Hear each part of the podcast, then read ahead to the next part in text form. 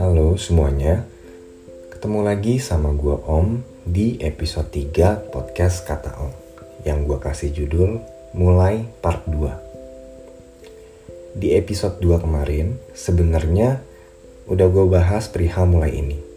Tapi kayaknya masih ada beberapa hal yang mau gue sampaikan perihal mulai. Di episode 2, gue udah bahas tuh dari pas kita masih bayi Nah sekarang gue mau coba bahas mulai dari time frame ketika kita masih balita.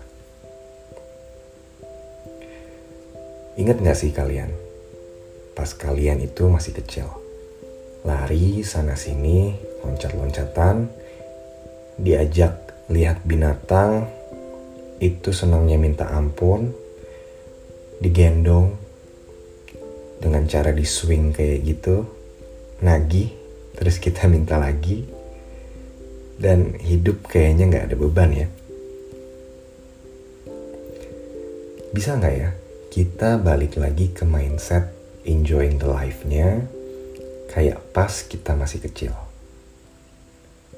Well gue belum nemu sih jawabannya perihal ini semoga Seiring podcast kata Om ini berjalan, gua, lu dan kita semua bisa menemukan jawaban atas pertanyaan-pertanyaan hidup kita masing-masing. Tapi buat kalian yang nggak punya pertanyaan atas hidup kalian, ya udah, enjoy the life. Gak usah dibuat-buat, dicari-cari biar ada pertanyaannya ya.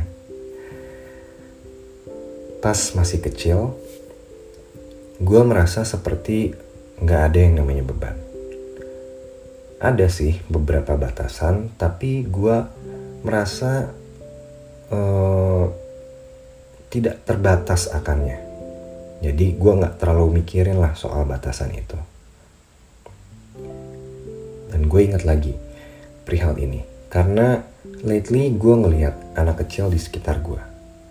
Gila, bandelnya minta ampun. Udah dilarang masih aja kepo mau ngelakuin. Dia nggak peduli akan yang namanya bahaya atau enggak. Mau itu baik mau itu buruk nggak peduli. Kalau mau ngelakuin ya udah lakuin aja. Karena ya sepolos itu mereka. Kalau tertarik ataupun ke kepengen ya udah lakuin aja nggak pakai tuh. Mereka nanya dulu itu tuh untungnya buat apa? Bahaya atau enggak?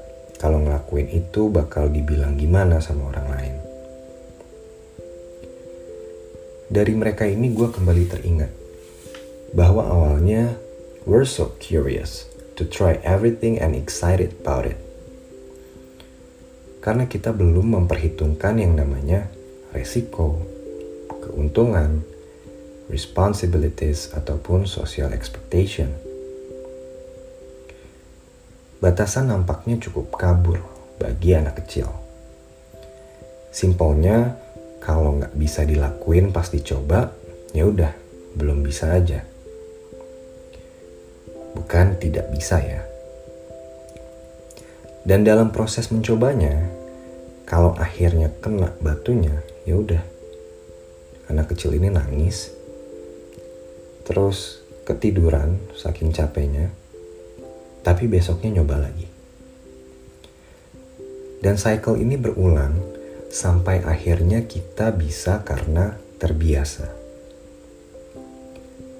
Gue lupa sih gimana gue belajar jalan pas dulu nih sampai akhirnya bisa lari sama loncat sana sini.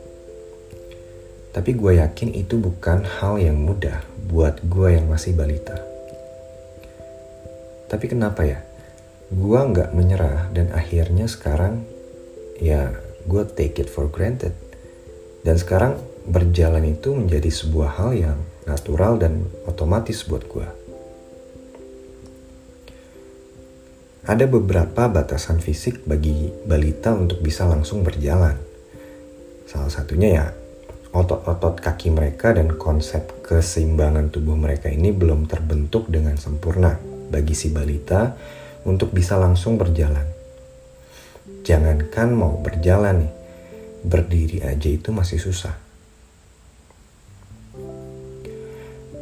Dari cerita pendek tadi, gue menyimpulkan bahwa dari balita saja kita sudah cukup terbiasa dengan yang namanya tamparan hidup. Realita bahwa kita belum siap. Tapi apa kita berhenti? Yes, kita berhenti sejenak untuk menangis lalu istirahat. Namun, keesokan harinya kita coba kembali. So, it's totally fine to cry or complaining for a bit. Ya, setelah mengeluh atau komplain, kita juga boleh kok istirahat sejenak. Karena ini adalah cara kita untuk lift up mood, semangat juang kita, dan juga energi kita kembali agar esok harinya kita bisa mencoba lagi. Mulai lagi melakukan apa yang ingin kita capai. Dan perihal bisa atau tidak, itu cuma hal terbiasa. Coba kita lihat sekitar kita. Dengan biasanya orang lalu lalang jalan kaki ya sana sini, ada yang naik mobil pula, naik motor dan lain-lain. Padahal awalnya buat berdiri saja perlu waktu lama bagi kita untuk bisa menguasai hal itu. Kali ini bahasan episode mulai part 2 lebih berfokus pada mindset mulai aja dulu. Atau boleh juga dimaknain dengan cobain dulu aja sih. Dan yang pasti, mulai ini jangan disertai dengan toxic winner loser mindset. Coba deh, ingat-ingat lagi dulu pas kecil, kalian itu mau jadi apa dan kenapa. Alasan simple yang membuat kalian curious dan juga excited. Kalau udah inget nih sekarang, coba kalian lihat ke cermin dan lihat kembali keadaan kalian saat ini. apakah kalian sudah mulai untuk meraih mimpi itu? Kalau sudah dan berhasil, selamat bagi kalian semua. Tapi kalau belum dan malah terjebak bermain dalam permainan yang tidak kalian suka, apa kalian tidak mau mencoba untuk memulainya?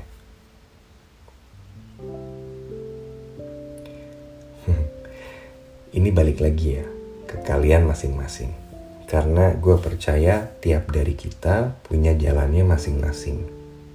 Dan buat gue pribadi, gue gak mau doing things that you don't like in order to go on living doing things that you don't like. Dan realisasi ini baru muncul ketika gue sudah menjalankan apa yang kata orang-orang di luar sana perihal yang seharusnya dilakukan. And it just feels wrong to me. Sering banget gue mempertanyakan diri gue sendiri. Apa sih yang salah dari gue? Kenapa ya gue gak bisa nih kayak mereka? Kuat dan mencintai apa yang mereka lakukan. Dan terlihat bersinar karenanya. Oleh karena itu, gue mau mulai dari sekarang, bodo amat sama hasilnya. Yang penting gue udah jujur sama diri gue sendiri. Kalaupun akhirnya gagal, at least I already tried. Dan tidak akan ada penyesalan di kemudian hari karena gue berandai-andai. Kalau aja gue coba mulai kemarin-kemarin. Menurut gue, Perihal mulai ini sebenarnya tidak sesulit yang kita pikirkan. Tinggal mulai aja sebenarnya. Perihal bagus tidaknya, berhasil atau tidaknya itu soal belakangan. Nyemplung aja dulu dengan apa yang kita bekali saat ini. Dan sisanya itu adalah perihal proses. Karena semuanya itu ada prosesnya. Dan berbeda-beda pace-nya bagi masing-masing individu. Proses ini adalah tumbuh. Ini adalah fase yang kita jalani selama ini. Dan proses ini baru akan berhenti ketika kita menghembuskan nafas kita yang terakhir dan gue akan coba bahas tumbuh ini di episode-episode berikutnya. Mungkin segini dulu aja buat episode 3 yang berjudul mulai part 2. Minggu depan akan gue coba rilis podcast selanjutnya. Uh, eh, gue mau ingetin juga kembali buat kalian yang tertarik ataupun ada masukan buat episode podcast berikutnya boleh kontak via DM ke Instagramnya kata.om underscore ID. Boleh juga loh kalau kalian mau share soal pengalaman dan pemikiran kalian tentang kehidupan. Makasih buat semuanya yang udah dengerin sampai akhir dan juga yang sudah memberikan support buat podcast ini. Sampai jumpa lagi minggu depan di podcast Kata Om yang berikutnya. Namaste.